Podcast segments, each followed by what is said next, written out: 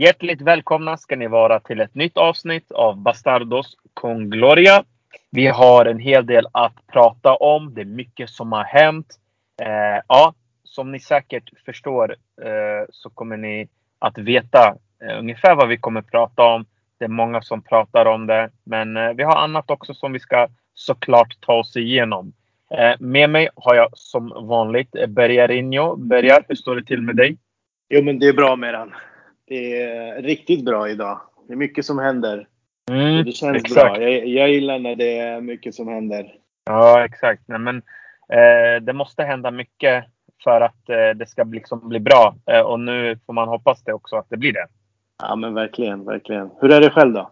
Jo, det är bra. Eh, det är eh, mycket på jobbet, men eh, det, det kommer säkert lugna ner sig. Och ja, vi går också lite mot höst sådär, så man blir lite tröttare än vanligt. Eh, Ja, men, men just idag är jag ganska så pigg eh, med tanke på det som har hänt. Ja, men Mm. jag kände samma faktiskt. Jag kände samma. Ja, när du nämnde jobb så börjar man tänka på att det är höst som väntar och vi har precis kommit igång med en ny termin och sådär. Men eh, just idag är det speciellt. verkligen. Ska såklart, såklart ta upp allt det där goda. Med mig den här veckan har vi Tom som är tillbaka. Han skulle eventuellt vara på en evig eh, semester, men nu är han ändå tillbaka. Och eh, Tom som jobbar gratis, hur står det till med dig? Jo, men det är fint. Eh, Det är, eh, det är fullt upp med, med gratisjobbandet. Så att semester vet jag inte om jag skulle kalla det. Semester härifrån möjligtvis. Men superkul att vara tillbaka. Mm. Ser fram emot det och köra förhoppningsvis så mycket det går nu. Mm, precis. Eh, kul att ha dig också här. Vi går in rakt på sak grabbar. Vi börjar först med Levante-matchen tycker jag. Eh, den matchen slutade 3-3. En väldigt intensiv match på många olika sätt. Eh, Bergar, vart någonstans ska vi egentligen börja med den här matchen? Vart vill du börja någonstans? Eh, ja du, vi kan börja med att eh, sammanfatta det hela och säga att eh, Mm. som Real Madrid och Real Madrid-fans kan man inte vara nöjda med, med en poäng i en match som eh, eh, förnärmligast var kontrollerad. Från första halvlek var det bara Real som hade kontrollen, som hade taktpinnen och ledde matchen. Eh, Mm. Så att man går eh, ifrån eh, den här Levante-matchen med en poäng, det är ju, det är ju en besvikelse enligt mig.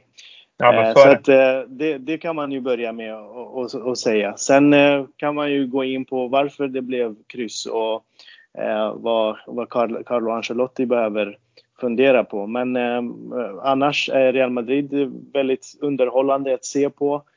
Eh, Ancelottis fotboll är inte 0-1-segrar. Det är utan tvekan målgaranti, precis som han lovade under eh, första presskonferensen. Eh, Vi vet med Pintus tillbaka vid rodret så får vi den energin och intensiteten vi saknade under eh, Zidans två senaste år. Eh, när Pintus lämnade för, för Inter då. Eh, så att eh, det är ju det är ju underhållande men sen som sagt vi kan inte vara nöjda och det finns eh, lite bekymmer eh, att, att, att prata om och, och största bekymret i den här matchen kanske var när vi leder eh, var ju avsaknaden av Luka Modric och Toni Kroos som i vanliga fall kontrollerar en sån här match och inte tappar den till motståndarna så som Real gjorde flera gånger om eh, i den här matchen då. Eh, sen måste ju Carlo fundera på försvarsspelet, hur Lucas och Alaba var utan, eller ur position eh, eh, på ett par av Levantes mål i alla fall. Eh, det måste, det måste liksom tas upp och det måste påpekas. Eh, självklart ska de ju inte bli bolltittare som, eh, som Real Madrid-spelare och täcka gubbar, men, eh, men det, det är någonting som Carlo får bygga vidare på. Eh, än så länge i försvarsspelet inte satt en Alaba-spelare som vänsterback. Jag tror inte det är tilltänkt att han skulle spela vänsterback. Utan han skulle bilda mittlås tillsammans med Nacho eller Militao. Personligen så hoppas jag på att det blir Militao för jag tror att han behöver en ledare bredvid sig och det ser jag Eh, i Alaba, även om jag älskar Nacho. Ja, det är en liten kort sammanfattning som jag tänkte på kring den här Levante-matchen. Snyggt! Ja, men snygg eh, sammanfattning och eh, för mig var det också lite som du säger, alltså det är ju två världar. Eh, och den ena är att vi måste ju såklart prata om försvarsspelet. Eh, där jag också kände att det var eh, skakigt. Jag hade lite frågor eh, om just försvarsspelet eh, när vi spelade in förra veckans poddavsnitt och jag haft det lite innan också med tanke på att eh, Militao ser fin ut. Men Nacho, eh, han är en eh, han är en bra truppspelare, men jag tycker inte han är en startspelare för Real Madrid. Han är lojal och han gör bra matcher. Det är inte det, men jag tycker inte han har den här kvaliteten av att han inger att vara liksom den här mittbacken som eh, motståndarna gärna inte vill eh, passera förbi. Eh, utan ja, jag vet inte. Jag känner bara att eh, där tåls det att skruvas till.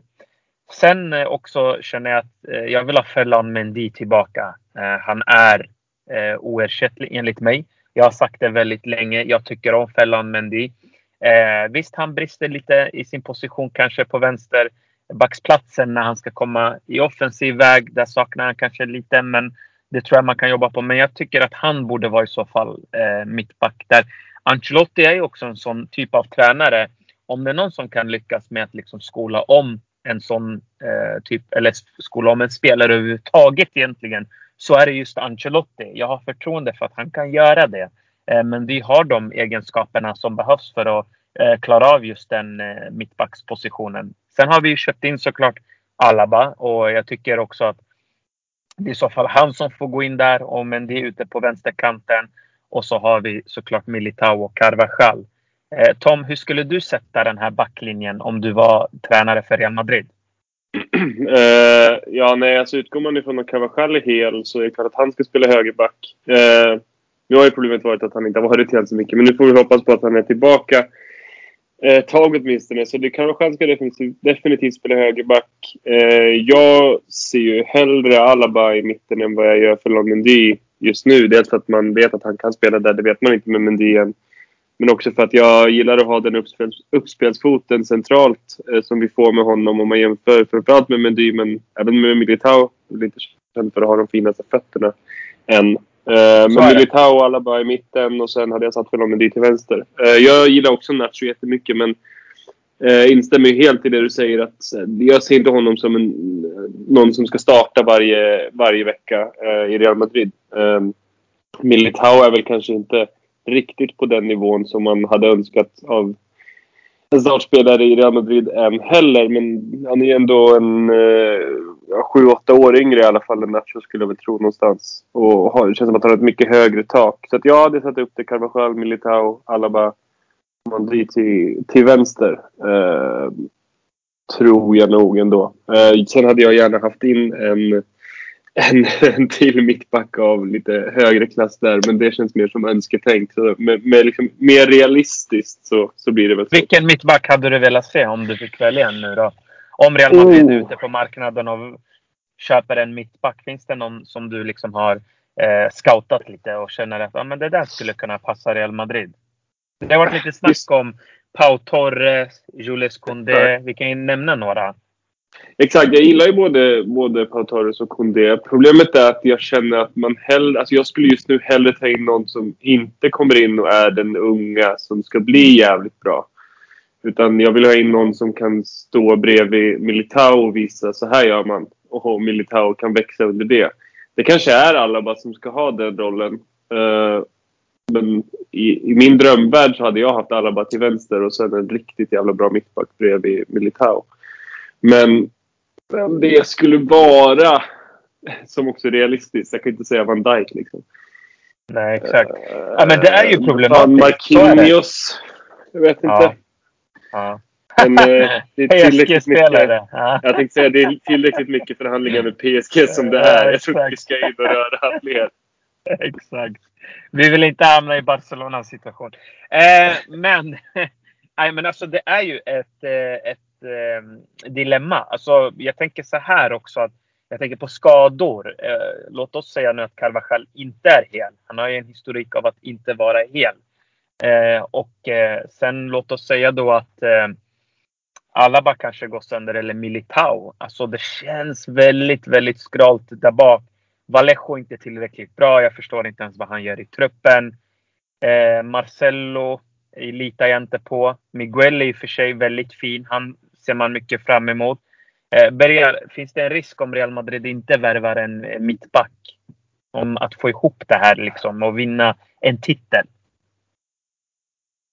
Ja, det gör det ju eh, med tanke på skadesituationen vi hade förra säsongen. Så att vi måste förbereda oss för allt. Eh, även eh, den här säsongen. Men jag, men jag tänker, du var inne på att Carlo Ancelotti är så liksom fantastisk på att skola om spelare och jag tror att någonstans förbereder de sig med man det att han ska kunna spela mittback ifall eh, någon fler mittback försvinner eller blir skadad och så vidare.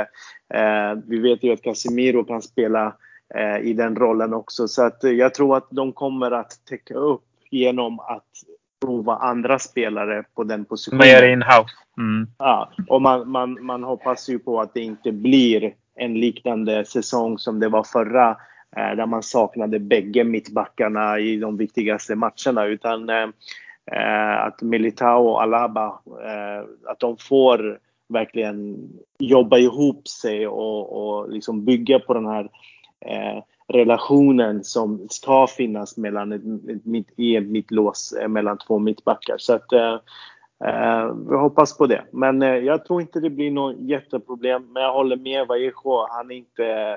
De, de, jag har inte sett honom spela på länge. Eh, så Nej, jag vet exakt. inte vilken nivå han unik. håller och så. Och eh, i OS ja. så fick han ju agera högerback några gånger och, eller blev inflyttad och ut och så vidare. Så att man, man såg inte riktigt eh, kvaliteten. Eh, men eh, Nacho är en fantastisk eh, backup att ha i truppen. Eh, köper vi en mittback nu, alltså den, på den nivån som vi vill eh, ha det, eh, Eh, om vi pratar om Marquinhos eller Mattis Delakt eller vem det kan vara. Eh, då måste de gå in i startelvan direkt och då betyder det att antingen Alaba eller Militao rycker och det går inte riktigt det heller. Utan det måste vara, vi måste ge dem som finns nu möjligheten att kunna bygga på eh, liksom, eh, sin, sitt samarbete och relation. För att Alabas fot och Militaus liksom hungriga, eh, liksom jag älskar när jag ser mot Levante att han har blodig tröja redan efter 20 minuter. Det där älskar jag. Det där är Real Madrid-DNA. Det, det, där måste vi ha på plan. Det är en, det är en mini-Pepe vi ser eh, spela i Real Madrid igen. Och som sagt, ja. som Tom var inne på, Alabas eh, fot. Vi får ju det Sergio Ramos hade. Han är också kapten och liksom har den åldern för att kunna leda och det ledarskapet som Militao egentligen saknar och behöver ha bredvid sig. Det är lite det Nacho ja. brister. Annars är Nacho en fantastisk eh, ja. Eh, mittback också. Eh, jag tänkte bara, måste påpeka två grejer till i den här eh, matchen.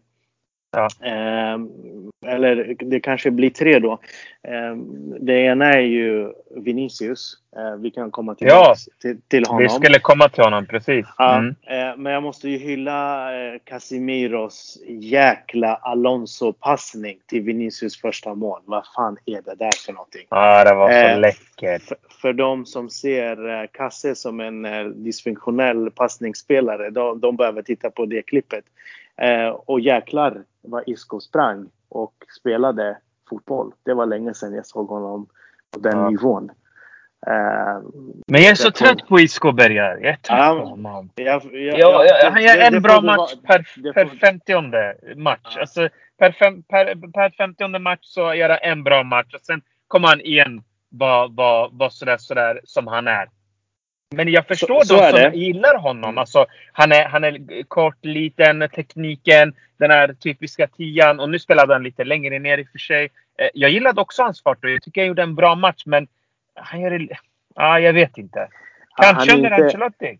Ja, han, är inte i den, han ska inte vara i den rollen som Toni Kroos eller Luka Modric har i Real Madrid. Men skulle Nej. han precis som han var under Zidane i den här diamanten eh, på, som en tia mittfältet ja. precis framför Modric och Kroos. Där Modric och Kroos jobbar med sitt kontrollerande, Casimiro städar och så får Isco lira fotboll. För det är det han är duktig på. Han har så mycket fotboll i sig och det är synd att se, eller det vi har sett av honom de senaste åren. Sen får han ju inte den här kontinuiteten. Han får ju sällan den i Real Madrid. För det finns ju ingen uttalad position för honom. Det vet ju att Ödegaard, eh, bara han ser ju att nu finns det ingen position för mig eller plats. Jag drar. Han vet ju också om det här Isko, Det finns ingen plats för honom men eh, när han väl, när, när det väl passar och när de väl bygger om formationen efter att han ska eh, liksom kunna kliva in också. Då har han så jäkla mycket fotboll i sig. Det är så härligt att se honom när han det var det. verkligen, Absolut. När han verkligen, när han verkligen växer upp. Och så har han gått ner några, vad kan det vara, en 10 kilo kanske. Och klippt eh, håret. Och själv. klippt håret. Så ah. jag, jag, jag börjar tänka så här. Gareth Bale gör mål. Isco briljerar. Carlo Ancelotti är tränare. Och det är fan inte ens 2014. Hur fan gick det där till? Nej, jag har ingen aning. Spännande att se. Jag fattar inte. Ja, det, det, är faktiskt rätt så kul med tanke på att eh, alltså vi fans, vi älskar ju de här blödiga historierna. Du vet när någon som har varit uträknad kommer tillbaka och så levar de. Och, ja, det, det värmer lite. Absolut. Det var lite kul ändå att se just de här personerna som ja, är tillbaka men... i Real Madrid. Och det brukar inte vara heller vanligt att man får komma tillbaka till Real Madrid. Alltså, Nej, man får inte man så många en... chanser. Mm. Exakt. Mm. Och det är härligt att när de väl får möjligheten att de tar vara på det. Och det är just det som är Real Madrid DNA som vi pratar om. Att kunna ha den här personligheten, kunna ta kritiken, ta smällen och sen kunna resa sig upp igen ändå. Uh, och, det, och det är där vi är. Men du får, nu får du din tid att prata om Vinicius för jag vet att du har Ja, exakt! Där får ingen ta min shine. Eh, jag sköter Vinicius-delen. Men jag vill fråga först eh, Tom. Eh, Tom, gällande matchen. Är det någon, något du vill lyfta fram i den här matchen som vi andra kanske har missat? nej, men jag tyckte det var Jag gillar diskussionen om Isco. Jag tänkte man kan också lyfta det att, jag vet inte om ni sa det eftersom jag bara missade, men att han hade ibland en av de på planen som har nästan flest boll, alltså återerövringar under första halvlek. Så han jobbade också stenhårt i defensiven.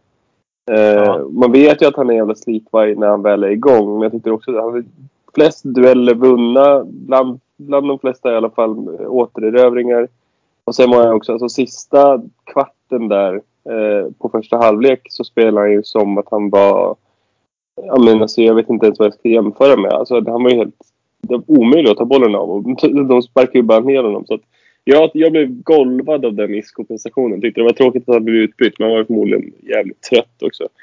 Eh, sen tyckte jag att man såg det här försöket. Nu var det första gången, så vi ska inte döma ut det än. Men när Asensio klev in och skulle spela samma position och roll som Isco så tyckte jag att eh, det såg inte optimalt ut än. Men den omskolningen som det har pratats om, det finns ju gott om tid kvar. Eh, men annars så är det ju... Det, är ju det, finns mycket att prata om i den här matchen. Vi kommer nog in på mycket av det också tänker jag när vi pratar Vinicius. Absolut, eh, verkligen. Och eh, vi, vi, går in på det. Alltså, eh, jag är ju en av Vinicius största fans. Det vet eh, de flesta tror jag här vid det här laget. Eh, det jag imponeras väldigt mycket av när det kommer till Vinicius eh, och Många kanske undrar varför, varför är du fäst just vid Vinicius? Och det är mycket av mentaliteten.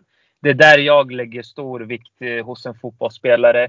Jag tycker att eh, Vinicius, eh, han är inte den som klagar. Han kan sitta bänk, men han kommer in med samma glädje och fart som om han skulle starta en match. Han är ung och Bergar, så klok som Bergar är oftast, sa det väldigt bra en gång i tiden här på podden att det är inte Vinicius som ska leda Real Madrid. Det är Hazard som ska leda Real Madrid. Det är Benzema, det är de andra grabbarna som ska leda Real Madrid. Det är inte Vinicius, 21 år gammal. Han är inte där än. Det är den här Vinicius som inte känner någon press. Kolla avsluten. Kolla den där eh, sista, eh, vet du, jag tror det andra målet. När alla bara va? Var det mål? Var det verkligen mål? Och man bara ser hur lätt han gör det. Det där är brassen Vinicius. Han gör det lätt. Alltså, jag tror väldigt mycket på Vinicius och jag sa det eh, förra avsnittet som vi spelade in, jag när jag pratade med Berger och Reba. Jag glömde att säga det i podden, men jag sa till båda, jag tror inte på Hazard. Jag tror att det är över för honom. Hans karriär är över i Real Madrid. Jag kanske får äta upp de orden, men jag eh, av erfarenhet och sen vad jag eh, ser är att det är inte samma Hazard. Han kommer inte ta bollen och sen visa vem som styr och äger och dominerar. Han kommer kombinera med Benzema och det är jättebra. Eh, det kanske man också behöver. Men det är inte det vi betalade för och jag tror att om Vinicius får till de här avsluten, då har vi ett monster. Alltså, och då är, det bara, då är det bara att drömma om vad en Vinicius, Benzema och säg en Mbappé kan göra. Alltså det, det, det, det jag, jag blir stum. Jag vet inte ens vad jag ska säga.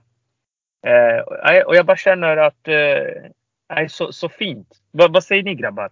Kom in här. Lyft liksom Vinicius-tåget. Eh, alltså jag tror väl, jag blev också superimponerad av den här insatsen. Sen ska man också komma ihåg att han gjorde också två fina mål mot Liverpool och man trodde att nu händer det. Och så blev det lite tillbaka på samma spår. Så jag tror man ska vara lite lugn.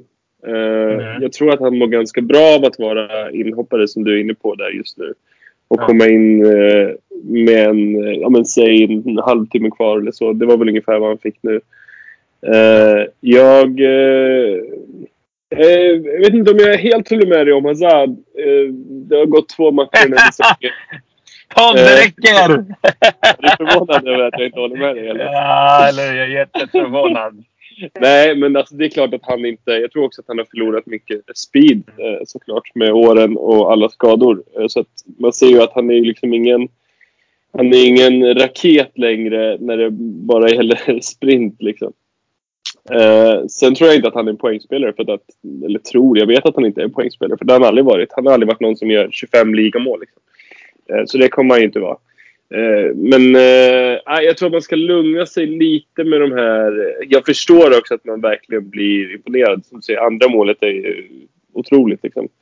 Eh, men att det är lite som med Isco. Att vi har sett det förut att han gör en helt otrolig match. Och sen, sen är tillbaka, är man tillbaka alltså, i gamla vanor. Liksom.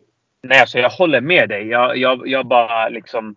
Jag, jag, bara tycker det är så skönt att se en ung fotbollsspelare ja, ja. som inte grinar.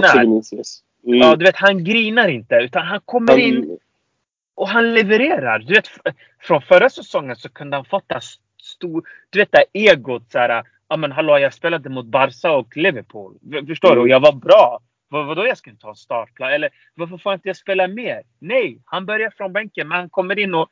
Alltså det är som att ja, jag ska visa varför Real Madrid köpte mig. Eh, ja. Och det är som du säger, man, alltså man ska ju vara lugn. Låt oss ta en match i taget. Jag säger bara om han skulle dock fortsätta så här. Ja, jag finns det inga gränser hur bra han kan bli. Han ska ju ha tagit in en mental coach som ska hjälpa honom med just det här också och klara pressen och, och, hela den här grejen. Det tror jag är ett jävligt klokt val. Jag tror att det alltså, speciellt för så unga spelare som, som blir så upphaussade väldigt tidigt så tror jag att det är väldigt lätt att det springer iväg. Det har man ju sett många gånger. Och sen, Exakt sen ska jag ha tränat på en ny teknik på avslut, skrev ju Marka om här för några veckor sedan. Eh, det vet jag inte hur mycket jag ger för. Men det var två väldigt fina avslut den här matchen i alla fall. Ja, och jag menar Ancelotti har också själv sagt i en intervju att han har ju försökt liksom, prata med Vinicius. Eh, färre tillslag eh, leder till fler mål. Så det kanske finns något i allt det här. Liksom. Det, är en, det är en blandning av alla de här grejerna som han gör. Och det visar också upp en professionalitet som jag verkligen ja, jag, jag gillar. Det. Eh, Bergar, vad, vad, vad, säger du? Vad, vad tyckte du om eh, de offensiva spelarna, vi kan gå in på allihopa egentligen där uppe. Eh, men eh, lite om Vinicius, vad, vad säger du om insatsen? Eh, ja, gällande Vinicius. Ehm, självklart eh, så kan jag tänka mig att eh, det kan hända saker med Vinicius nu och man kan hoppas på att, att, det, att det gör det. Men förra säsongen och säsongen innan, då, då, om vi går tillbaka och tittar på dem, så faller vi ju tillbaka hela tiden. Han har två, tre bra matcher, sen tappar han och så vidare. Men jag tänker, eh, vad jag vill komma fram till det är att han hade ju nästan 50 framträdanden förra säsongen. Alltså han spelade många matcher. Eh, och en spelare utvecklas ju väldigt mycket av att spela så många matcher. Eh, så att, eh, och sen under sommaren så var han med i Copa America och med Brasilien och mycket träningar och matcher och erfarenhet och plocka med sig också. Så att allt det där kan ju börja landa nu i alla fall. Det, det kanske inte sitter helt hundra men, men det känns ju som om det är dags nu. Det borde landa nu. Jag förstår för, för förra säsongen och, den, och förra säsongen att det satt inte riktigt som det skulle och Zidane har gjort sitt och nu gör Ancelotti sitt och så vidare. Så att eh, allt det där borde någonstans landa och det känns som om eh, vi kan vara mer övertygade om att det kan göra det den här säsongen.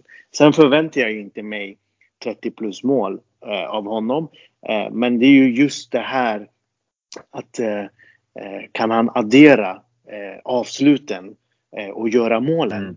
Precis. i allt det här ja. andra som han har när han jobbar hem och vinner bollar och kombinerar och utmanar och kommer in med den här energin och intensiteten som Pintus också levererar till alla de här spelarna.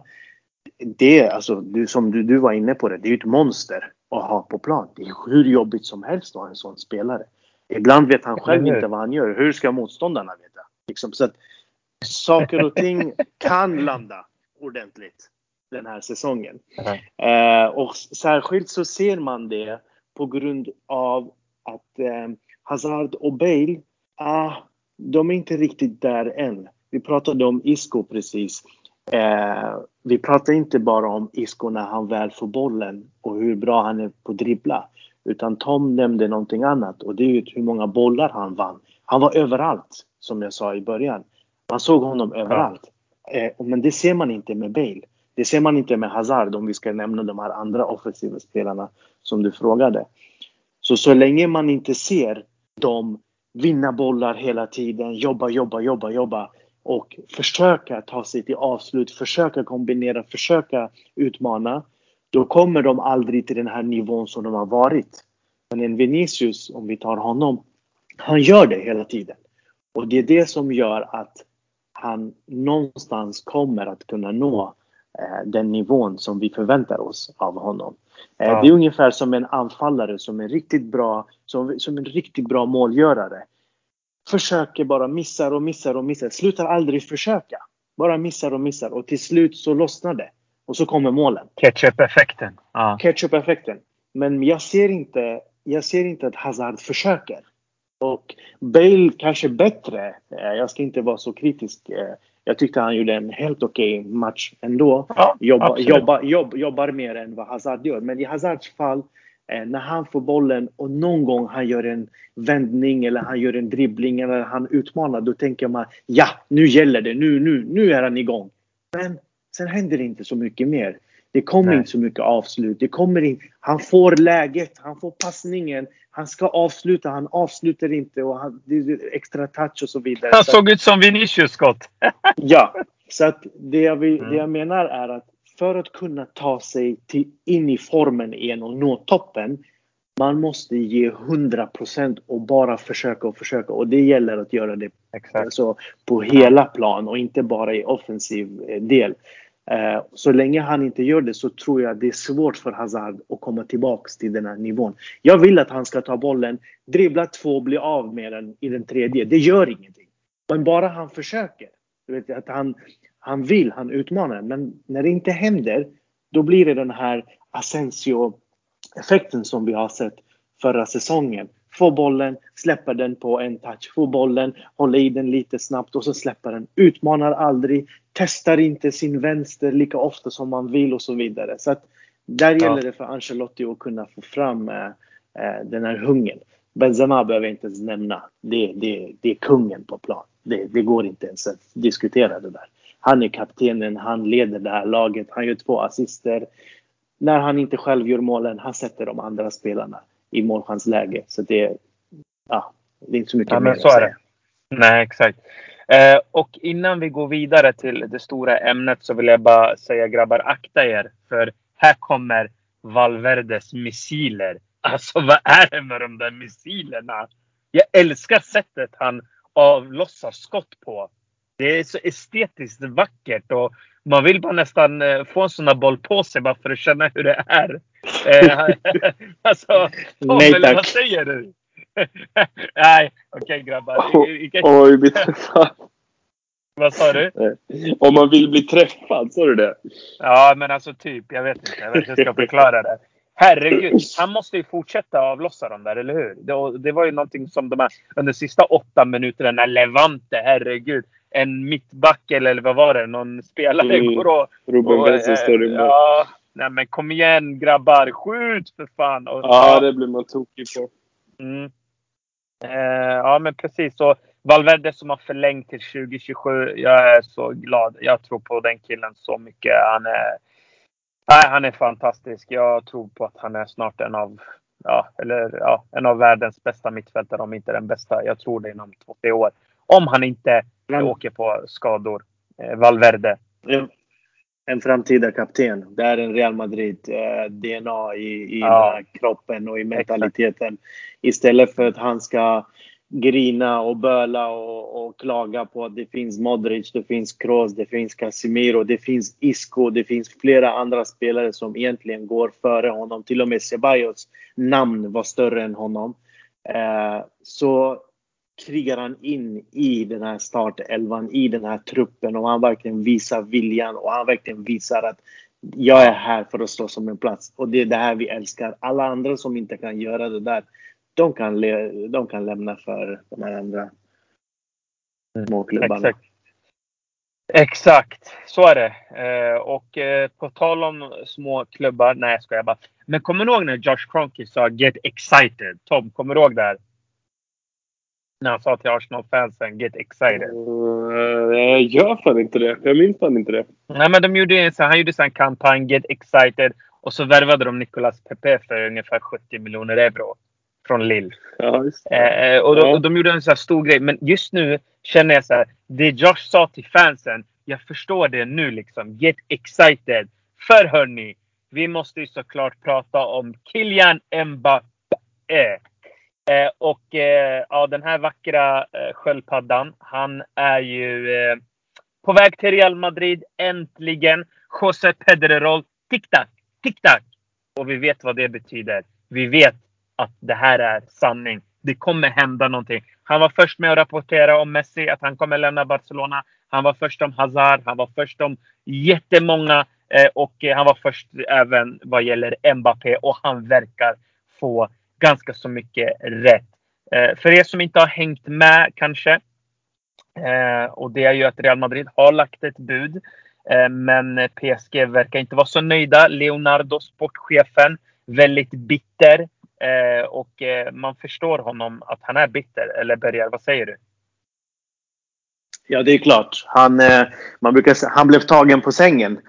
Eh, många har ju pratat om att ekonomiskt så är inte Real Madrid eh, lika kraftiga och har inte de musklerna att kunna varva stora spelare och så vidare. Eh, Delvis på grund av pandemin men också på grund av att de renoverar arenan. Men eh, eh, José Ángel Sánchez och Florentino Perez. Eh, det är två gubbar som har varit med länge. De har gjort affärer som Figo, som Zidane, Cristiano, Kaká, liksom, ah, Hazard. Alla de här som har varit med länge. Så att eh, de skickar ett bud på 160 miljoner euro när det är sju dagar kvar. En vecka kvar till transferfönstret stänger. Och PSG fattar ingenting. Var kom de här pengarna ifrån? Eh, vad hände? De hade förväntat sig att de skulle säga till Mbappé den första september. Du ser, klubben som ville ha dig hade inte råd. De kunde inte buda på dig. Så nu får du stanna, skriv på ett nytt kontrakt istället. För där, där i Madrid har de inte råd. Nej. Men nu kommer budet och, och Leonardo var inte glad. Det, du kan få gärna berätta vad, vad, vad han sa idag. Ja, nej, men alltså han sa ju att eh, Real Madrid har betett sig dåligt. Eh, Man har handlat på ett olagligt sätt. Man har i två år försökt eh, kontakta hans familj och man har lagt eh, fejkbud för att han ska gå gratis. Och, alltså han grät ut och med den där eh, Qatar-flaggan som han har tatuerat på svanken som jag skrev på Twitter. Eh, så, så syns det igenom. Det lyser igenom att det här är ett spel. För de som inte förstår det. Det här är ett spel från Leonardos sida. Han måste visa och han måste säga de här sakerna för att det ska se ut som att nej, men vi har inte förlorat den största talangen. Fast jo, det kommer ni göra. Eh, antingen nu eh, eller så kommer det ske nästa. Eh, eller det kommer ske kanske i januari redan då vi redan har skrivit ett förkontrakt med Kylian Mbappé. Så att på ett eller annat sätt kommer det hända. Och jag tar det lite tillbaka till när Barca ville värva Verratti. Och vad gör då PSG tillbaka? Jo, de ska säga aha, ni vill försöka väcka björnen. Då tar vi era Neymar. Och det är lite det här att det är ett ego från PSGs sida, från emiren. Det är ju de som äger PSG. Det är ju emiren från Qatar. Och han har för övrigt en väldigt bra relation med Florentino Perez. Perez sägs ha projekt som han vill bygga eh, och eh, det är ju emiren också inblandad i de här affärerna. De har en väldigt bra relation. Jag tror bara helt enkelt att Leonardo, det är sånt här som han ska säga som sportchef. Eh, och såklart, jag menar, det är inte roligt att bli av med sin talang, men eh, den största talangen som vi har sett på jättemånga år. Och, eh, det är mycket pengar det handlar om, men återigen, det här är Leonardos sätt, sätt att säga okej, okay, vi försökte göra allt, men vi var tvungna att sälja honom. Och det är ett spel från hans sida och eh, jag tror man inte ska ta hans ord så. Ja, man ska inte ta dem så starkt utan man ska bara ignorera och eh, det kommer liksom hända. Det är tick-tack, tick-tack. Det är ingenting annat än det. Eh, Tom, hur ser du på hela den här eh, storyn eh, kring vad Leonardo sa och eh, att de vill ha liksom mer pengar? Är det värt att betala, tycker du, två miljarder när han bara har ett år kvar på kontraktet? Uh, det är en så jävla svår fråga. Det, men uh, jag tycker ju nog nästan det ändå. För att ett år är ju liksom ingen kort tid. Dels i en fotbollsspelares karriär men, men överlag i en klubb som... Vi, vi har ju behövt ha en Mbappé nu ganska länge liksom. Så vänta ett år till, ja absolut, men det kommer ändå bli en sign-on-bonus och de här höga lönerna och agenten ska ha lite extra och liksom hit och dit. Så att jag säger ju casha nu bara. För, det är också att man börjar bli otålig för att man har gått och väntat på Mbappé i två år nu liksom, och tänkt att han kommer nog snart, han kommer nog snart. Precis. Um, Sen eh, det här med Leonardo, jag, jag, precis som du säger, man ska inte läsa, liksom, lägga för mycket vikt vid det.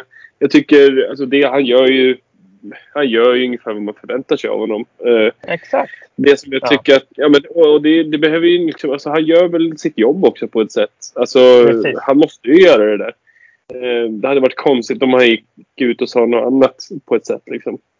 Ja. Um, Sen det man, det man kan ta med sig från det är ju att det är alldeles uppenbart att Mbappé vill lämna. Det säger han ju öppet. Eh, så det, det, är alltid en positiv sak för vår del. Eh, Medan vi har suttit och spelat in nu så har det kommit fler breaking-grejer att eh, det ska öppnas eh, nya förhandlingar inom de närmsta timmarna här. Eh, och för er som lyssnar så är det alltså då onsdag klockan halv tio nu. Då, så att under kvällen, onsdag kvällen så ska vi eller så ska de förhandla lite på nytt och att PSG då kräver, eh, som du var inne på, 200 miljoner euro. Eh, och att de menar att nu är bollen i Real Madrids händer och de, om de vill ha någon får de betala 200 miljoner, annars så blir det ingenting. Ungefär Har inte bollen alltid varit i Real Madrids händer egentligen? Är det inte lite det också PSG känner? Att oavsett vilket projekt vi än har, vi har hämtat Donnarumma, vi har hämtat eh, Wijnaldum, Hakimi, Messi. Och ändå går Mbappé till Real Madrid. Jo, men jag tror att man menar att, liksom att tidigare har ändå varit att PSG har kunnat... Alltså, det kan de ju fortfarande på ett sätt säga nej oavsett vad fan erbjuder. Vi kommer inte släppa. Men att man nu tänker att okej, okay, ge oss 200 miljoner så är han er. Gör vad ni vill med den informationen. Om ni säger då yes, här har ni 200 miljoner. Fine, ta honom. Om ni säger eh, nej, vi erbjuder 180, då kan ni dra åt helvete. Kanske de tänker. Eh, så att nu är det liksom upp till upp till pappa Perez att eh, avgöra om han är värd två miljarder eller inte. Eller om han ska vänta. Eh, men jag tycker, jag säger kör alltså. Fan, ta in ja. honom. Eller hur? Men en intressant, bara. grej, en intressant Ja. grej som jag tänkte kolla med också. Vad fan ska han ta för tröjnummer? För att, alltså det finns ju, nu ser det ut som att Odriozola ska till Fiorentina. Äntligen blir vi av med honom. Förlåt, men ja. Du Eh, behöver och inte säga förlåt. sig... då öppnar sig 19. Nummer 19 alltså. Och det känns inte rätt. Men då fick jag upp tanken att fan, ska inte Modric gå tillbaka till 19 då? Och så kanske antingen att Hazard tar 10 som han hade i Chelsea, Mbappé tar 7 eller att Mbappé rakt av bara kliver in och tar nummer 7. Vad tycker ni? Börjar, Ja, jag är besviken på dig. Jag är besviken på dig. Jag tror du skulle säga vad som är givet. Största stjärnan i Real Madrid ska ha nummer. N- eh, nummer 10 sa jag förra, förra avsnittet och jag håller mig Nej. fast vid det där. Nummer Nej. 7 har gjort sitt. Nummer 7 Va? har gjort sitt i Real Madrid. Raúl González Blanco. Cristiano Ronaldo. Ja, Mariano Diaz! Mariano Diaz! Eller hur? Grabbar, Nej, vi nej. pratar om ett tröjnummer till Mbappé. Ah, det känns bra. Det känns mycket känns bra. bra. Ah, fortsätt Eh, Bergar. Ah, fortsätt. nej, nej, men eh, när jag säger har gjort sitt, då menar jag Mm. att eh, det, det blir svårt att matcha Cristianos siffror och allt det där. Eh, det, det är dags för ett nytt nummer och, och eh, liksom vända blad och ett nytt kapitel och sådär. Eh, Jag tänker så här. Ge nummer 14 till Modric. Casemiro tar nummer 5 och Kylian Mbappé får nummer 10. Det är Yeah. optimalt. Jag, det jag ville lägga till här gällande Leonardo också. Ja, det är mycket politiskt snack, men bakom det här politiska snacket, bakom den här fasaden, så finns det ett maktspel. Och det är det här maktspelet som PSG har svårt att svälja. De har svårt att acceptera att Real Madrid kliver in och tar deras, egentligen, Lionel Messi är deras största stjärna, men deras framtidsspelare. Alltså det här är som Exakt. när United blev av med Cristiano Ronaldo. Det, det är Cristiano, stort. ja. Det är väldigt stort. Och det är det PSG inte kan acceptera. Och det är det de grinar över. För att det här, eh, det här budet och den här värvningen, om det går igenom av Mbappé, det är inte bara ett meddelande för PSG om var de ska sitta och vart Real Madrid sitter. Det är också utan, Ja. det är utan också ett meddelande till hela Uefa vart Real Madrid befinner sig i den här pyramiden som de pratar om. I det här eh, liksom ehm, toppen av eliten som finns i Europa. Det här visar ju Florentino Perez.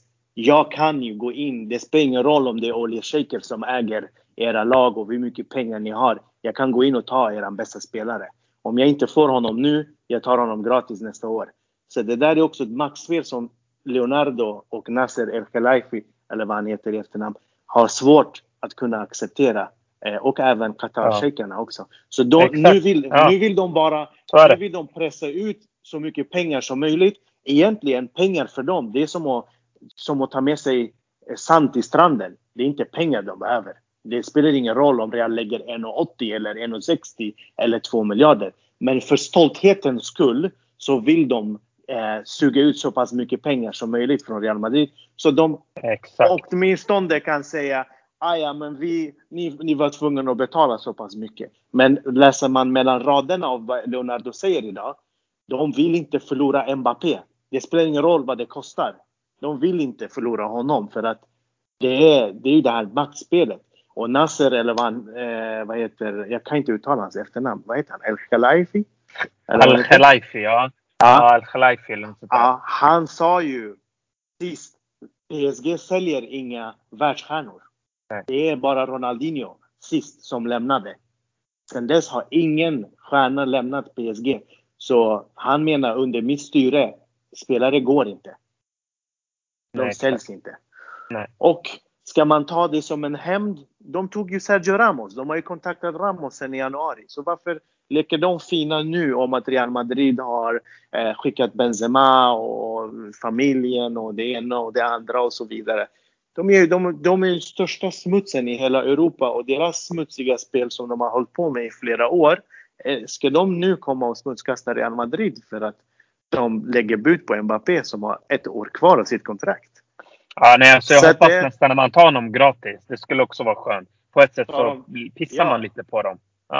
Det hade varit bra, men samtidigt det är som Tom var inne på, ett år är väldigt mycket. Eh, vi måste tänka på att även om Real Madrid betalar 2 miljarder, det är väldigt mycket plus i intäkter den här, det här året som kommer in tack vare Mbappé om han finns eller om han inte finns. Vi vet att Bernabéu ska eh, liksom öppnas och jag vet inte om det invigs och helt till fullo eh, klart. Men man vill ju göra det med en stjärnspelare som Mbappé. Det är också mycket reklam, mycket pengar, mycket sponsorer. Så att tekniskt sett eh, med tröjförsäljning och så vidare, eh, ekonomiskt sett menar jag, eh, de kan ju tjäna tillbaks pengarna. Och skulle det vara så att PSG behåller honom den här säsongen och vinner Champions League, då de skiter i nästa säsong om Mbappé går gratis. De tänker vi uppfyllde vårt liksom, mål, nu är, det, nu är vi klara. Men ja. deras eh, liksom, mål, deras dröm är ju att vara störst i Europa och vinna Champions League. Men nu kommer Real och tar deras, ja, en av de bästa spelarna som de har. Enligt mig är han det är, ju, det är ju framtiden för dem. Så att jag ser en sån framtidsspelare som högre än Ramos eller Messi eller Neymar och så vidare. Men så. Ja. Det, nej, nej, men det är så. Ja, men det är verkligen så är det. Och eh, både du och jag har varit lite inne på det. Att det är deras ego som eh, inte vill ta skada. Men det är det, exakt det som händer. Och det är som du säger att jag håller med er båda förresten. Jag tycker också att man ska värva Mbappé nu. Jag vill inte ha något nå spel sen där man ska tävla mot Premier League-klubbar eh, som kanske kan bjuda väldigt mycket i lön. Och Gud vet vad som händer på ett helt år som ni säger. Men man vet aldrig de här sakerna. Sen är ju också Mbappé en investering i flera år framåt. Det är inte så att man betalar två miljarder för ett år eller två år eller till och med tre. Man betalar det här kanske för minst alltså, tio år. Ja, ja, ja. Så det, det är inte så här pengar som vi bara kastar för två, tre säsonger och sen är det klart. Utan här pratar vi om framtiden. Och eh, det är exakt vad Kylian Mbappé är och jag är övertygad om att kommer han till Real Madrid, alltså det, det, det kommer bli hur bra som helst. Och jag tror att Real Madrid kan ta de här stora titlarna. Eh, och eh, jag vill ha en trippel. Jag saknar en trippel i Real Madrids historia. Jag vill ha en ja. trippel i modern tid. Jag vill ha en trippel eh, av, av, av Copa del Rey, eh, ligan och Champions League. Och nu, nu drömmer man liksom. Och det känns så härligt att eh, ja, jag hoppas verkligen att den här Mbappé-affären blir eh, klar. Och det var som Tom var inne på. Det är väldigt mycket som händer. Man kan ju följa olika eh, sidor eh, där de skriver. Eh, Marca har ju startat, startat en live-uppdatering. Så man kan gå in där också och följa exakt eh, ja, steg för steg. Det har blivit så stort det här. Ja, vi, en, en annan mm. alltså, synvinkel är ju också, vi vet att Luka Modric eh, har inte så mycket kvar. Vi vet att Benzema spelar sin toppfotboll just nu och kanske inte har så många år kvar. Toni Kroos, alltså vi har några spelare sådär. Så att det är ju synd att de ska behöva vänta ett år till och bli ett år äldre innan vi liksom skjuter in en, en, en Galactico i den här elvan. Det är bättre att de får honom redan nu, även om eh, jag är lite besviken för att jag förlorar vadet mot Rebas i så fall. Men, eh, men det kan jag ta, det är inga problem. Men de förtjänar, Modric, Benzema och Kroos och det här gamla gänget, de förtjänar nu att de får lite avlastning och en, en ny Galactico kommer in. Och det, det har de väntat på i, sedan Cristianos eh, avgång. Ja, och jag, jag, tänkte, jag tänkte säga det med, med Leonardo snabbt bara. Mm. Att det är klart att det handlar om ego, men det här, jag tror det handlar ännu mer om hur man tänker att andra klubbar runt om i världen ser på en. Att de måste visa att vi är inte en klubb, som de säger, som man kommer och köper vår bästa spelare. Ja. De måste visa att de är motståndskraftiga. Ja. För att om de får in ett bud på 160 och säger absolut ta honom, han är... Då, då blir ju bilden av att, ja vänta lite nu, kan vi komma och ta Neymar då? Kan vi, kan vi komma och plocka Verratti eller inte vet jag, vem som helst bara. Så de måste ju också visa, vilket jag har full förståelse för. De måste bete sig på det här sättet för att visa att det är inte lätt att komma och ta våra stjärnor. Om vi släppte om vi släppte Fede Valverde utan att ge något motstånd så hade det sett ut som att vi är patetiska. Liksom. Och det är samma sak med, med Mbappé, tänker jag. Hörni grabbar. Eh, vi har eh, täckt det mesta. Eh, Berger, vill du lägga till någonting? Nej, det är bra så. Nu eh, väntar vi bara på TikTok, TikTok, TikTok och eh, eh, uppdatera Twitter så vi får se Communicato official Kylian Mbappé.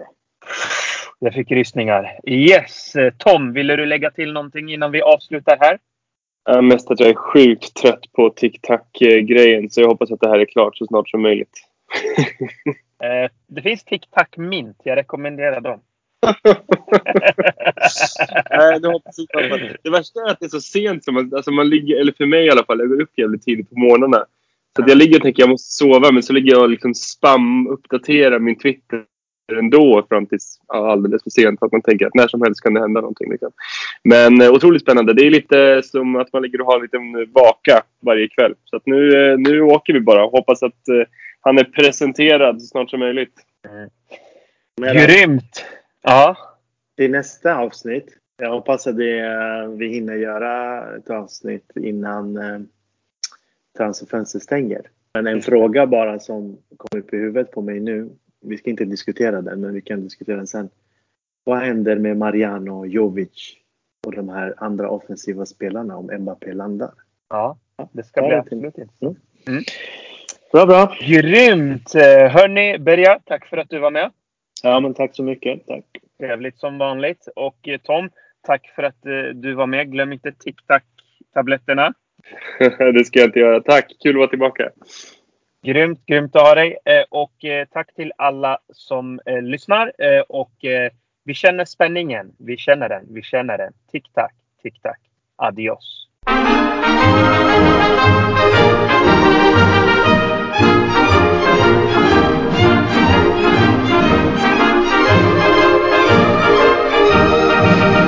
de las glorias deportivas que campean por España. Va el Madrid con su bandera, limpia y blanca que no empaña. Club castizo y generoso, todo nervio y corazón.